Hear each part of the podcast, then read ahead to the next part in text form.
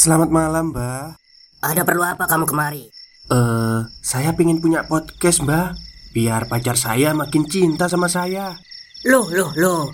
Mau bikin podcast kok tanya dukun? Sekarang kamu download aplikasi Anchor.fm. Di situ kamu bisa buat podcast gratis dan podcast kamu bisa didistribusikan ke platform mana pun. Dan di aplikasi atau website Anchor.fm juga terdapat fitur-fitur yang memudahkan kamu untuk membuat podcast. Oh, gitu ya, Mbak.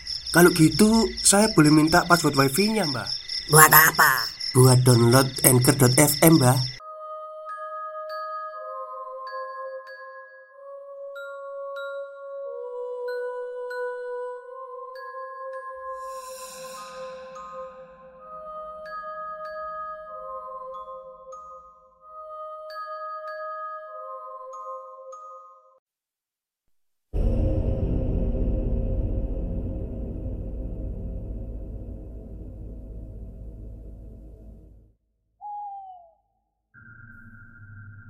Assalamualaikum warahmatullahi wabarakatuh. Halo semuanya. Jumpa lagi dengan saya Chow Sing Sing Kurator dari podcast Horror Night Story. Halo apa kabar semuanya? Semoga kalian semua sehat-sehat ya. Dan seperti biasanya pada siang hari ini Saya kembali dan akan membawakan sebuah kisah mistis untuk kalian semua Kisah mistis kali ini saya datangkan dari treat horornya Mas Restu Wira Yang menceritakan tentang sebuah kisah Yang tentu saja menyeramkan ya Yakni ritual jaga pocong Oke Daripada kita berlama-lama Mari kita simak ceritanya Bagian pertama Pamali Cirebon 2007 Katanya Jika ada salah seorang dari kita yang meninggal dunia Kita dilarang untuk melihatnya atau mungkin Bagi yang memiliki sebuah pantangan Maka dilarang untuk menemuinya Walaupun itu adalah terakhir kali pertemuannya di dunia Katanya, jika yang meninggalnya adalah orang tersayang, maka itu akan menjadikan orang yang meninggal tidak tenang dan ingin menemui kita lagi di dunia. Apa pun itu, pantangan tetaplah pantangan. Semua pantangan yang sering terjadi di kehidupan kita adalah pantangan yang sering kali kita jumpai Salah satunya adalah pamali. Mereka yang mungkin saja memiliki sebuah pantangan tertentu rawan terkena pamali atau ketidakbolehan dalam hal apa pun. Hal ini terjadi juga kepadaku di saat kakekku meninggal dunia. Kami menyebutnya Simbah Kakung. Simbah Kakung adalah orang yang penyabar. Dia termasuk orang yang memiliki hati yang lembut, penyayang, dan juga selalu mementingkan kepentingan keluarganya. Simbah Kakung sendiri memiliki 12 orang anak Yang mana delapan di antaranya sudah meninggal dunia Dan hanya tersisa empat orang Dari keempat tersebut Dua di antaranya merantau ke Cirebon Dan dua lagi menetap di Pekalongan, Jawa Tengah Dan pada kesempatan kali ini Aku sendiri akan menceritakan tentang pengalamanku saat melakukan sebuah ritual yang sangat mengerikan. Ritual itu bernama ritual jaga pocong. Satu tahun sebelum Simbah Kakung meninggal Tepat saat itu perkiraan tahun 2007 Bapak Dikabarkan oleh keluarga yang ada di Pekalongan Untuk menghadiri sebuah acara pernikahan Salah satu cucu dari Simbah Kakung Acara itu sendiri sekaligus sebagai pengikat silaturahmi antara bapak dan juga keluarga yang ada di Pekalongan, Jawa Tengah. Kebetulan, yang datang saat itu hampir satu keluarga penuh. Kami berangkat menggunakan mobil pribadi, salah satu saudara yang berada di Cirebon juga. Perjalanan dari Cirebon menuju Pekalongan menghabiskan waktu sekitar tiga setengah jam sampai empat jam. Kala itu, kami berangkat tepat malam hari dengan tujuan untuk menghindari macet. Singkat cerita, selama dalam perjalanan, kami bercerita banyak hal terkait keluarga Simbah Kakung dan Simbah Uti. Mereka menceritakan terkait hal-hal aneh yang selalu saja berefek kepada kehidupan Simbah Kakung dan juga Simbah Uti. Seperti saat di mana tragedi babat ambruk kepati yang menewaskan kurang lebih delapan orang. Di dalam tragedi yang sama yaitu berkisar 30 tahun setelah babat ambruk kepati salah seorang keluarga dari Simbah Uti terdampak serangan santet yang mengerikan yang dikenal sebagai santet tumpes kelor. Bapak sempat terharu ketika mendengarkan kisah kelam yang melanda kedua orang tuanya itu. Bagaimana tidak? Secara bapak sendiri adalah anak terakhir dari sebelas saudara. Dan saat bapak dilahirkan Kemungkinan besar Saudara-saudaranya sudah memiliki jenjang umur Yang mendekati kepada maut. Perjalanan terus berlanjut. Sekitar pukul 11 malam Mobil memasuki wilayah Tegal Sebentar lagi, mereka akan menuju ke daerah Pemalang, Jawa Tengah. Lalu, setelah melewati Pemalang, Jawa Tengah, mereka akan memasuki sebuah gapura pembatas antara Pemalang dan Pekalongan. Di situ, Bapak turun dan melanjutkan perjalanan ke sebuah desa yang mana di dalamnya terdapat banyak desa lain. Pukul satu pagi, mobil pun tiba di sebuah desa tempat Simbah Kakung dan Simbah Uti tinggal. Kami semua langsung turun dari mobil dan membawa semua barang-barang untuk selanjutnya diletakkan di rumah Simbah. Kebetulan saat kami datang, Simbah Uti dan juga Simbah Kakung sudah berdiri di hadapan rumah, sembari menatap setiap cucu-cucunya yang baru saja datang dari Cirebon. Ah, itu Simbah, sana salaman dulu. Kebetulan Aku dan kedua kakakku langsung menyalami tangan Simba.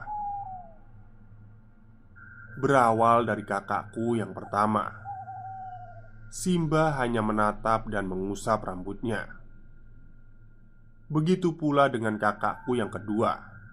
Simba hanya menatap dan mengusap rambutnya. Akan tetapi, begitu aku menyalami Simba, ada perbedaan yang kurasakan. Simba bukan hanya menatap dan mengusap rambutku, namun dia menundukkan badannya sembari mengatakan sesuatu padaku.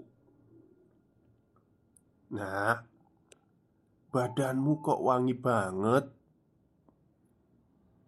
Aku yang saat itu belum mengerti apa artinya, hanya tersenyum. Simbah pun membalas senyuman itu dengan mencium dahiku. Bapak yang melihat kejadian itu langsung mendekat ke arah Simba dan bertanya apa maksud dari perkataan Simbah barusan. "Maksud bapak kenapa, Pak?" tanya bapakku kepada Simbah Kakung. "Jangan sampai ketika aku sudah tidak ada, kamu tidak membawa anakmu yang paling terakhir, ya." Bapak terdiam. Kami pun segera masuk ke dalam. Tatkala Simba menggandeng ketiga cucu-cucunya secara bersamaan. Malam harinya, kami makan malam bersama.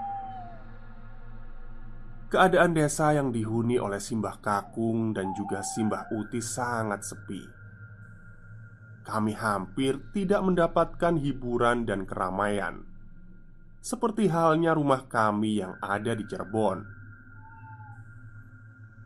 Selesai makan malam, kami semua beristirahat lebih cepat karena keesokan harinya akan ada acara besar di keluarga kami. Tepat di pagi hari, bapak membangunkanku dan juga kedua kakakku.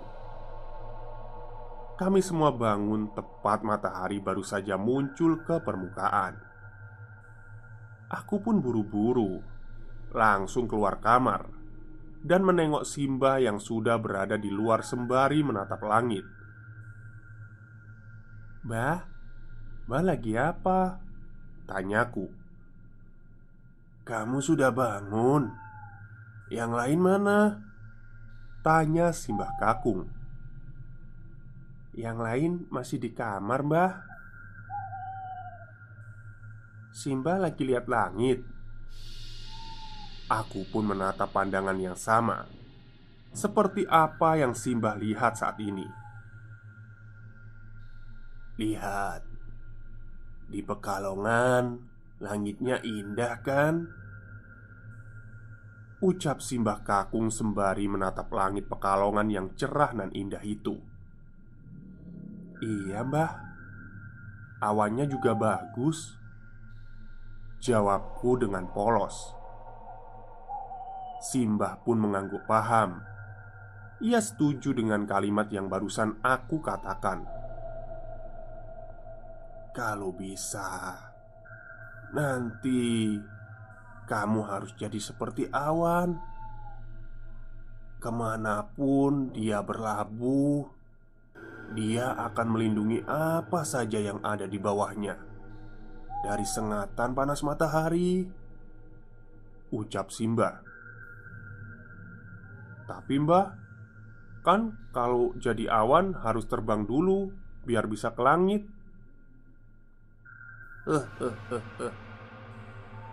Menjadi awan tidak harus terbang.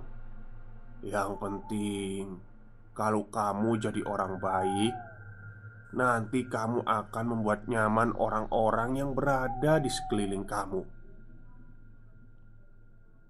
Aku pun tersenyum lebar mendengar penjelasan Simbah Kakung. Tidak lama setelah kami bersama-sama menatap langit, Simbah pun langsung mengajakku untuk bermain. Ia sengaja menggelitiki perutku hingga membuat perutku terasa geli dan mengajarku sampai dapat. "Mbah, jangan geli," ucapku sembari tertawa. "Ayo, mau ke mana kamu?" Kami pun bermain-main di depan rumah. Sampai-sampai Simbah Uti sendiri hanya geleng-geleng kepala saat melihat kelakuan Simbah Kakung saat bermain denganku. Simbah nanti akan ajak kamu ke sawah milik Simbah ya. Di sana banyak sekali burung-burung dan ada orang-orangan sawah. Ucap Simbah. Kapan, Bah? Tanyaku. Nanti kalau kamu main lagi ke sini Maunya sekarang, bah uh, Sekarang Kamu makan dulu Terus istirahat. Jangan main terus Nanti badannya hitam loh. Aku pun tertawa saat Simba mengatakan jika aku memiliki kulit yang hitam karena sering bermain. Rasanya Simba Kakung sangat nyaman dan senang saat bersama denganku.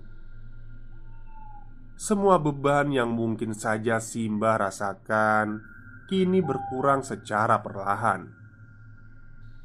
Setelah selesai bermain bersama Simbah Kakung, Bapak menyuruhku untuk sarapan terlebih dahulu karena kebetulan sore ini akan ada acara.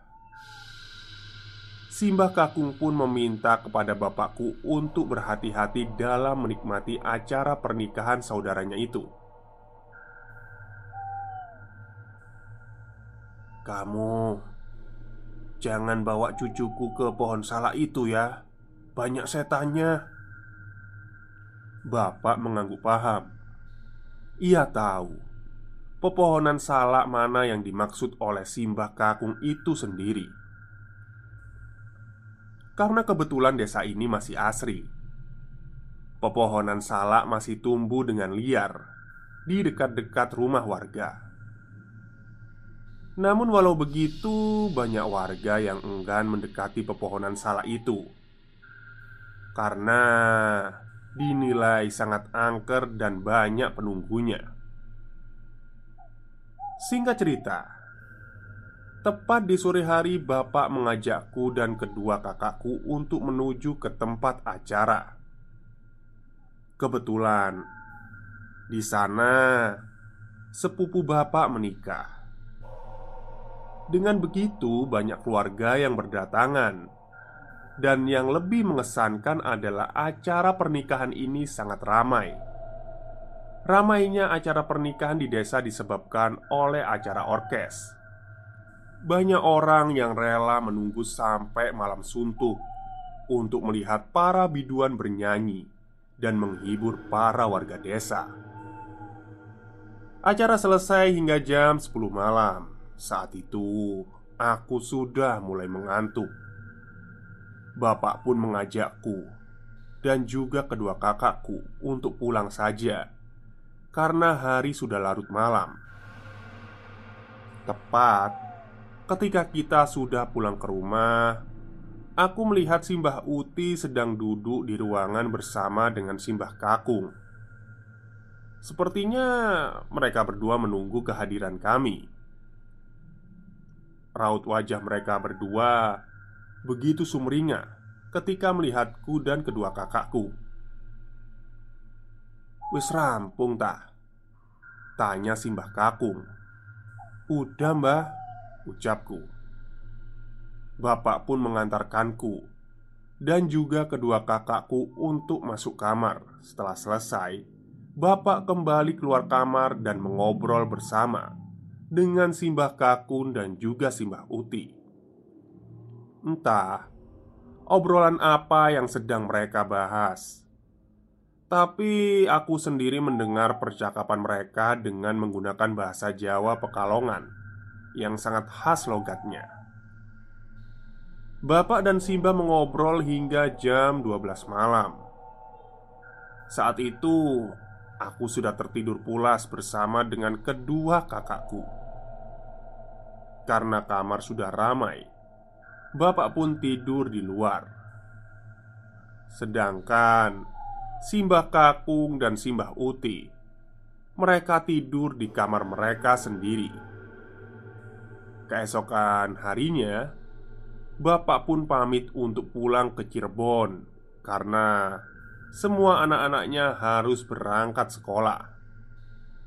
Namun, saat bapak ingin meminta izin kepada Simbah Kakung, Simbah Kakung melarang bapak untuk pulang.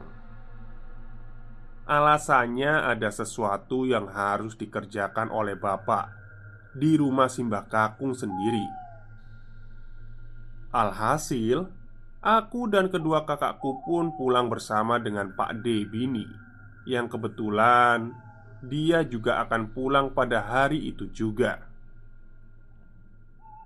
Kami tiba di Cirebon sekitar pukul satu siang Dan Satu hari setelahnya, bapak pun pulang ke Cirebon sembari membawa beras dan makanan lainnya untuk keluarga.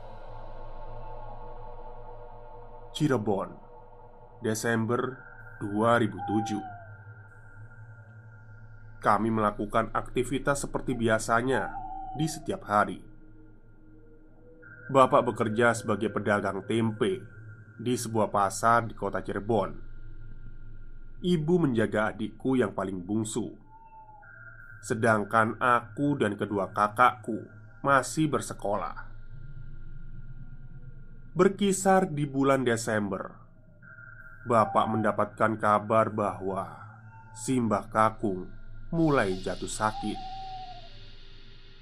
Beberapa kali Bapak juga dimimpikan oleh Simba Kakung untuk segera kembali ke Pekalongan.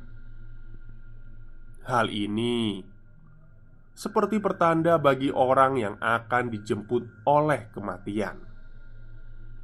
Bapak merasa Simbah Kakung tidak akan hidup lama lagi karena pertanda demi pertanda selalu dirasakan olehnya. Karena itulah dia pun meminta kepada seluruh anak-anaknya untuk melakukan doa bersama agar Simbah Kakung diberi kesehatan dan panjang umur selalu.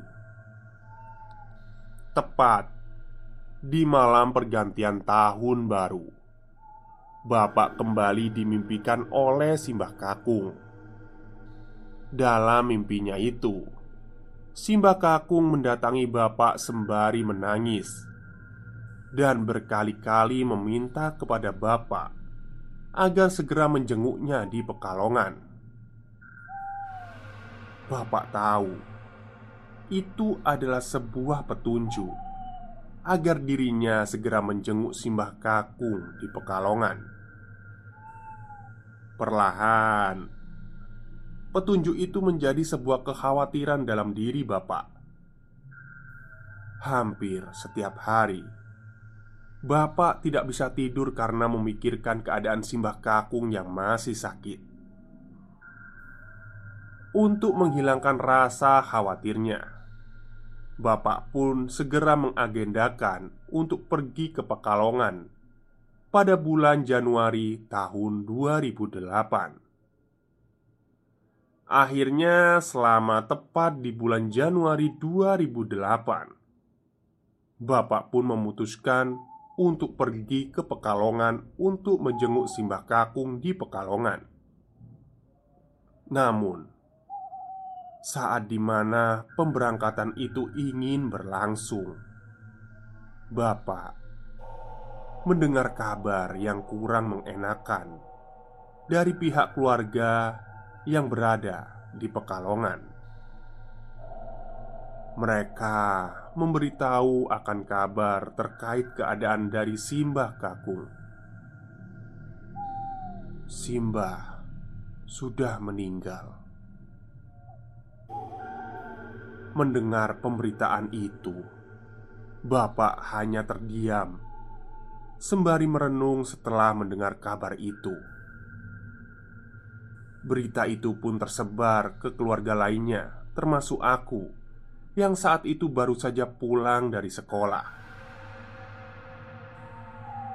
Ibu memberitahu kepadaku jika Simbah Kakung sudah meninggal dunia karena sakit. Aku yang mendengar kabar itu langsung merasakan kesedihan yang sangat mendalam. Simba sudah meninggal, Dung. Ucap ibu. Simba meninggal? Tanyaku dengan wajah penuh dengan pertanyaan. Simba baru saja meninggal dunia hari ini. Bapak dan Pak Dibini akan berangkat ke Pekalongan. Aku pun langsung berlari ke dalam kamar. Kulepas semua baju dan segera menggantinya karena aku ingin mengikuti bapak yang akan pergi ke Pekalongan. Kamu mau ke mana? Aku mau lihat Simba, Bu. Tapi Yang boleh pergi ke sana cuma bapak sama Pak Debini aja. Aku cucunya, Bu. Aku mau lihat wajah Simba untuk yang terakhir kalinya. Tapi, Dung, tidak lama kemudian, bapak pun segera masuk ke dalam kamar. Bapak melihatku yang sudah meneteskan air mata karena merasakan kesedihan yang sama seperti yang bapak rasakan. Pak, aku mau ikut ke Pekalongan. Bapak hanya terdiam. Ia tidak banyak bicara di saat kondisi seperti ini. Dia kemudian menatap wajah ibu yang serba kebingungan karena pilihanku yang terlalu memaksa. Pak, Simba janji mau ngajak aku jalan-jalan ke sawah nanti pas liburan. Bapak masih terdiam.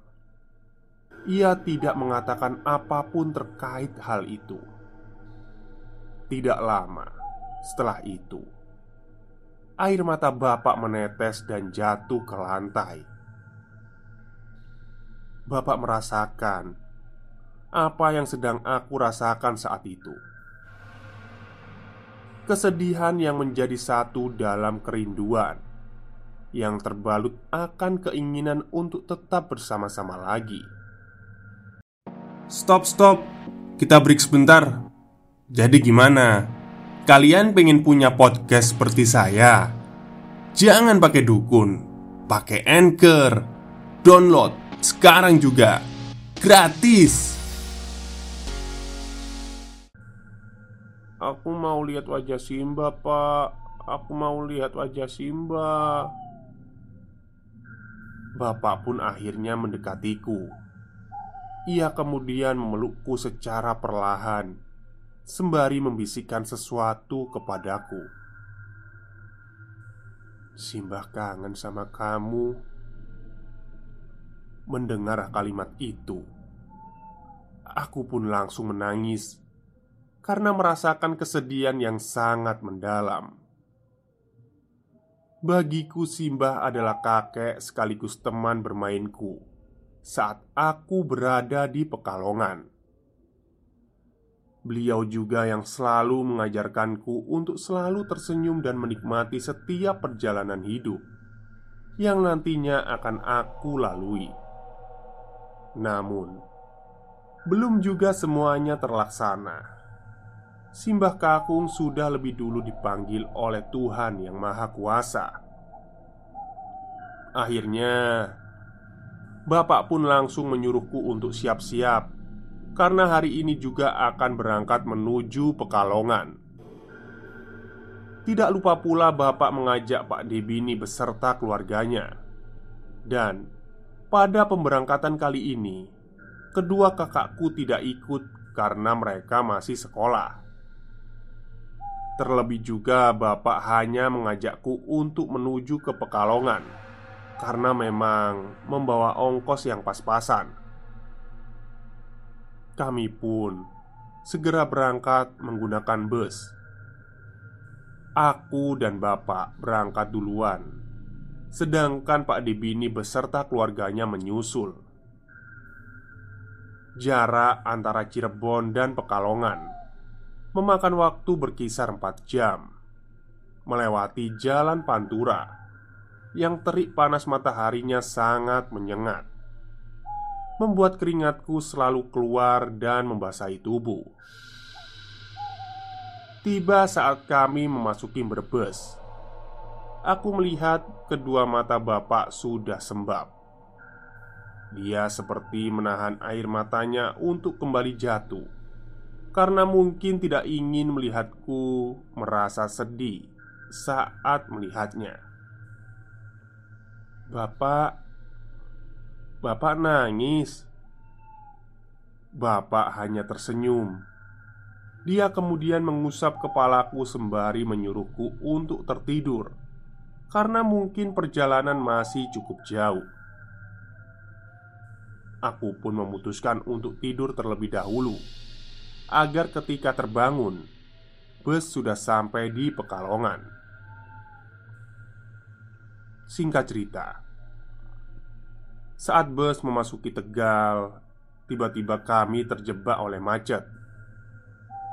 Mungkin karena ada perbaikan jalan saat itu, hingga membuat banyak kendaraan yang terjebak di satu area, hingga berlomba-lomba untuk membunyikan klaksonnya. Setengah jam kemudian, mobil pun kembali melaju. Di sini, bapak sengaja tidak membangunkanku. Kedua tangannya langsung mengeluarkan tasbih, seraya berzikir untuk meminta ketenangan hatinya yang sedang dalam keadaan kalut dan penuh kesedihan. Allah, Allah, Allah. Begitulah kira-kira bunyian zikir yang terus dilantunkan oleh Bapak.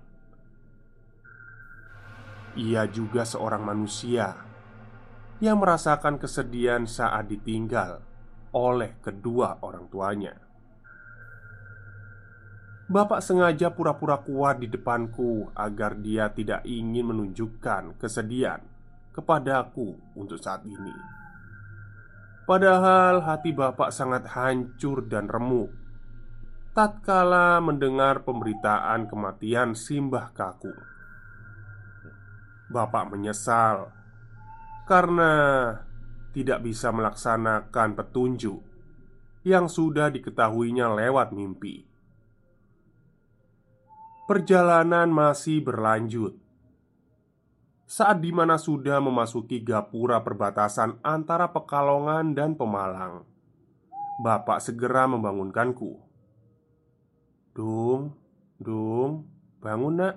Bentar lagi sampai. Aku pun langsung terbangun Mendengar kalimat Dung atau anak. Aku pun langsung memeluk bapak sembari menutupi kesedihanku saat mengingat kembali wajah Simbah Kakung. Bus pun akhirnya berhenti tepat di sebuah jembatan yang bernama Jembatan Spike. Di situ bapak pun memutuskan turun karena perjalanan akan berlanjut dengan menggunakan becak. Perjalanan dari tempat kita turun hingga menuju desa yang dituju berkisar setengah jam. Saat itu, kondisi pedesaan sudah sangat sepi.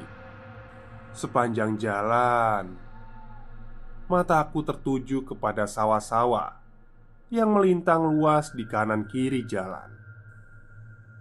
Tangan bapak menggenggam kuat kedua tanganku. Nafasnya mulai berat Kedua bola matanya benar-benar menggambarkan sebagai sosok seorang anak yang rindu akan orang tuanya. Sesampainya kita di desa itu, aku melihat banyak orang-orang desa yang mengenakan pakaian serba hitam.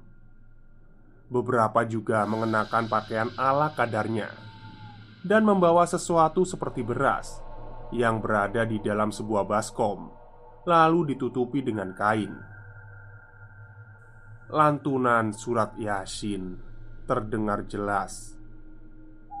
Bapak langsung disambut oleh Simbah Uti dan segera masuk ke dalam rumah. Aku menepi di pinggiran rumah sembari menunggu aba-aba untuk bisa masuk ke dalam. Dari dalam rumah, aku mendengar suara tangisan pecah tapi itu bukan suara bapak. Sepertinya itu adalah suara Bude Kakak perempuan dari bapak. Aku pun ingin memaksa masuk ke dalam Untuk mengetahui apa yang sedang terjadi. Namun Saat aku ingin menerobos masuk ke dalam Tiba-tiba Simbah Uti melarangku untuk masuk ke dalam rumah Mbah, aku pengen masuk. Kamu jangan masuk dong. Tapi aku pengen lihat wajahnya Simba. Jangan, Jangan masuk. Belum juga aku menyelesaikan perkataanku. Simbah Uti memotong. Entah apa yang terjadi saat itu. Namun, aku hanya terdiam sembari melihat wajah Simbah Uti yang tidak menginginkan aku untuk masuk ke dalam rumah. Tepat setelah Simbah Uti masuk ke dalam rumah, aku mencoba untuk mencari momen agar bisa menerobos masuk ke dalam. Tujuanku adalah satu, yaitu ingin melihat wajah Simbah Kakung yang sudah direbahkan di sebuah amben atau tempat tidur. Saat Simbah Uti meyakini jika aku tidak akan masuk ke dalam rumah, aku pun memanfaatkan momen ini dengan cara menerobos keramaian orang yang sedang berdiri di depan pintu. "Permisi, permisi, saya mau lewat," ucapku dengan lirih.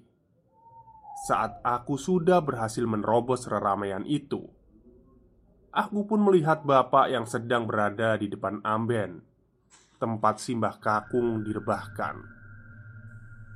Akan tetapi,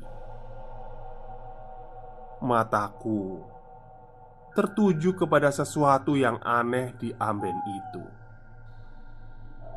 Tanpa sadar, aku melihat seseorang sedang terduduk di amben, sembari menundukkan wajahnya. Karena penasaran, aku pun perlahan mendekat untuk melihat lebih jelas siapa orang yang sedang duduk di amben itu tempat di mana Simbah Kakung direbahkan. Saat di mana jarakku sudah sedikit dekat dengan amben itu, tubuhku langsung merinding seketika. Di saat mengetahui sosok yang duduk di amben itu, "Pak," ucapku. Bapak yang awalnya sedang membaca surat Yasin langsung terdiam dan sekaligus terkejut melihatku yang sudah berada dekat dengannya. "Kamu, kamu ngapain ke sini?" Begitu juga dengan Simbah Uti dan yang lainnya. Mereka semua kaget saat melihatku sudah berada di dekat jenazah Simbah Kakung, sembari menunjukkan ke arah sosok yang sedang duduk di dekat Simbah Kakung. Aku pun mengarahkan jari telunjukku ke arah sosok itu. I "Itu siapa, Pak?" tanyaku. "Siapa?" "Eh, kamu lagi ngapain di sini?" "Itu ada orang yang lagi duduk di dekat jenazahnya Simbah." Mereka yang mendengar hal itu langsung kaget dan menghentikan bacaan Al-Quran secara bersamaan. Perlahan, sosok itu menengok ke arahku. Wajahnya penuh dengan kesedihan. Matanya yang hitam membuat aku mundur beberapa langkah dari tempat semula. "Pak," Itu Simbah Kakung Simbah Kakung ada dua pak. Baik Itulah Akhir cerita dari bagian pertama Ritual jaga pocong ya Yang ditulis oleh Mas Restuwira Jadi ini kemungkinan ada empat atau tiga bagian karena panjang Ya seperti biasa ya Kalau nggak nanti malam ya besok siang akan saya ceritakan lagi. Oke mungkin itu saja cerita untuk siang hari ini. Semoga kalian semua terhibur. Selamat siang dan selamat beristirahat